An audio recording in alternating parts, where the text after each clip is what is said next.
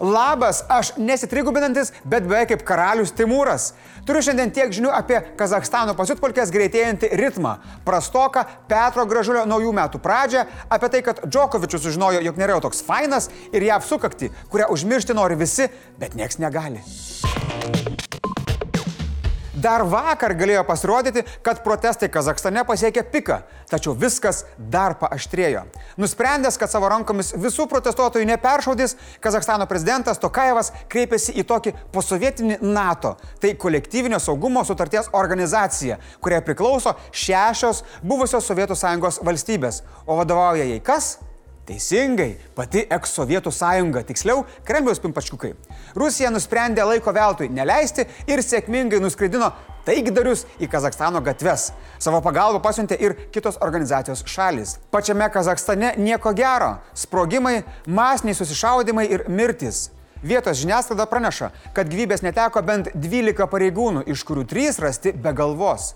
Tiek protestuotojų, tiek pareigūnų sužeista gerokai virš tūkstančio. Tik informacija apie sužeistuosius ir žuvusius pasaulį pasiekia sunkiai. Šalyje vis dar stipriai ribojamas internetas ir telefono ryšys. Nepaisant to, Kazakstano pareigūnai pranešė, kad šiąnakt likvidavo dešimtis protestuotojų, bandžiusių užimti administracinius pastatus. Almatoje sulaikyti 2000 protestuotojų.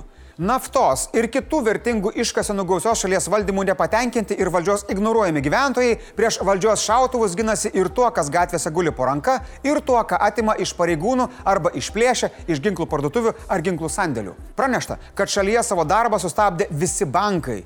Didžiausias Kazakstano miestas Almata skęstas sprogimuose, automatinių ginklų salvėse ir iš abiejų pusių žūstančių piliečių kūnuose. Visame šiame chaose yra įstrigę apie šimtą Lietuvos piliečių. Tačiau Šimonytės patarėja teigia, kad jokio pagalbos šauksmo sulaukta nebuvo, o jeigu pagalbos taiga prireiktų, jie visada gali kreiptis į Lietuvos atstovybę.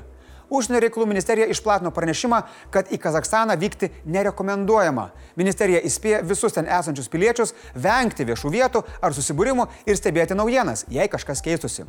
O matant situacijos pokyčių greitį, kažkas tikrai keisis. Nes kai Rusijos taikos balandėliai atveža taikos, tai ji niekada nežinai kokios skonio bus. Dažniausiai vis tiek pašvinkus tokia. Liūdnesnės dienos pasibeldė į Petro Gražulio duris. Šiandien teismo posėdėje prokuroras Rolandas Tankievičius paprašė šiam galą su galu suduriančiam daugia vaikų tėvui skirti daugiau nei 15 tūkstančių eurų baudą ir dar tokį bonusą prie baudos. Paprašė iš Petro ketveriems metams atimti teisę būti renkamam ir skiriamam į valstybės įstaigas bei tarnautojo pareigas. Taip pat konfiskuoti gražulio turto už daugiau nei 4000 eurų. Čia suma, kurią kaip naudą jis gavo iš Judex. Gražulis vaidindamas gražulį padėkojo, kad bent nesėdo į kalėjimą. Anot Stankievičiaus su laisvės atimimu nesusijusią bausmę jis pasiūlė atsižvelgdamas į tai, kad politikas anksčiau nebuvo teistas. Tačiau už tokio pabudžio nusikaltimą įstatymas numato ir laisvės atimimo bausmę iki 7 metų. O teismas nuosprendį priims nebūtinai tokį, kokio prašo prokuroras. Taigi Petrai dar per anksti džiaugtis. Mhm.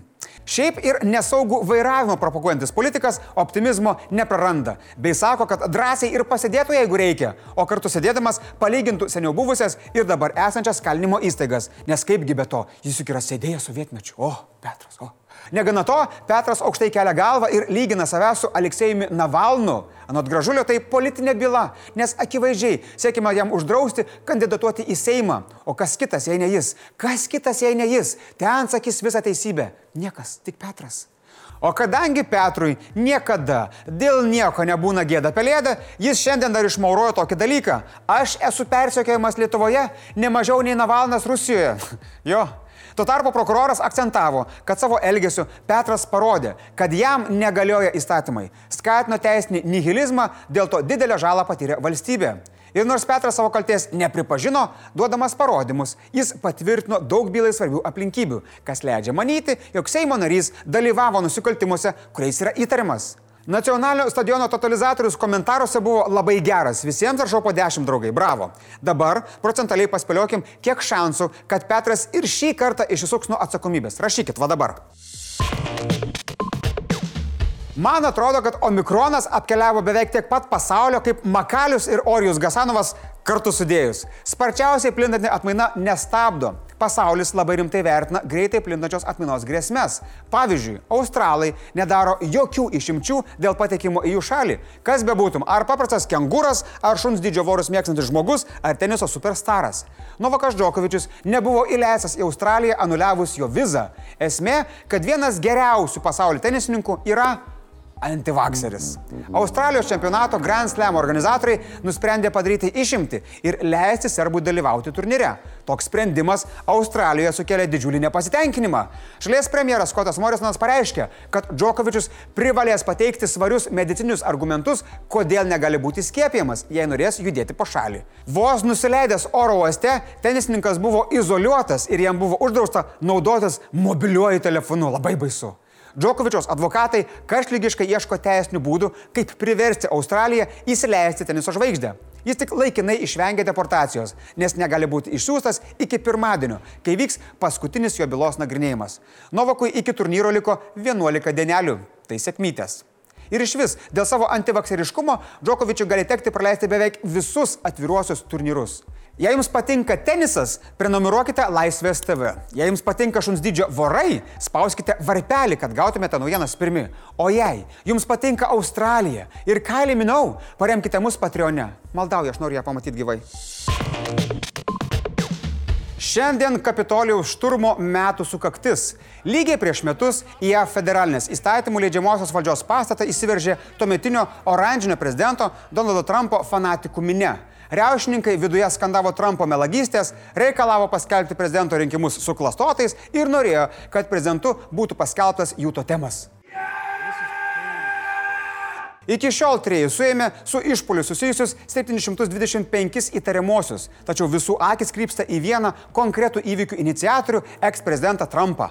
Frankly, we did win this election. We will never give up. We will never concede. It doesn't happen. Jį kaltina ir dabartinis JAV vadovas Joe Bidenas. Jis sausio 6-ąją vertina kaip tragišką kulminaciją, ką visi tie ketveri Trumpo vadovaujami metai padarė valstijoms.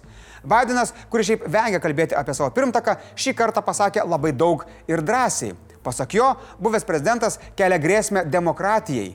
JAV generalinis prokuroras Merikas Garlandas pažadėjo patraukti atsakomybėn visus susijusius su išpoliu. Jis pareiškė, kad Teisingumo departamento darbas šio klausimu dar toli gražu nebaigtas. Pasak jo, atsakys ne tik polusiai kapitolijų, bet ir prisidėjo prie polimo kitais būdais.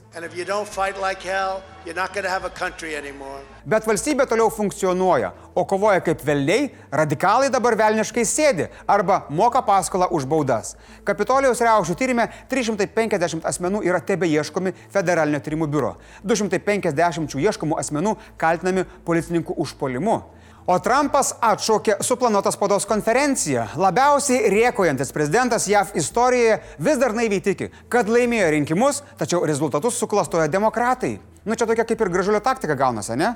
Trumpas užsimena, kad 24-ais vėl gali siekti tapti respublikonų kandidatu į prezidentus. Aš tai abejoju Trumpo šansais, nes jo prezentavimas buvo kaip fuksų krikštynos. Iš pradžių viskas buvo linksma, faina, paskui visi stipriai apsvaigė, o tada jau vemiama ir pykino visus. Ar norim kartot? Abejoju.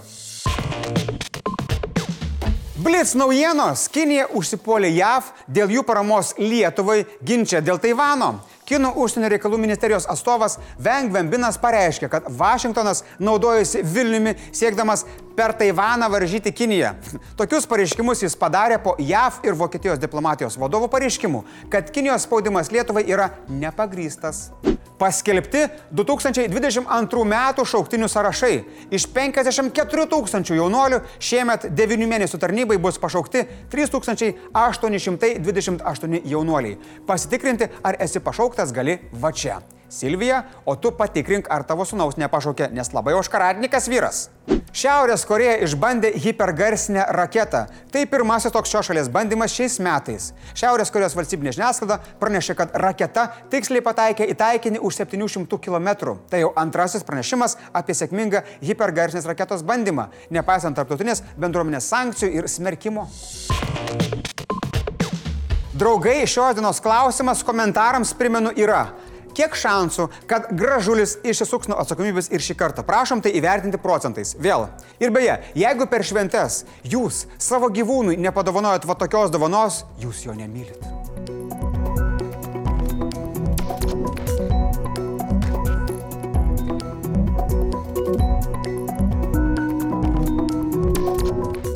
Šiandien tiek žinių, gero savaitgalio, iki.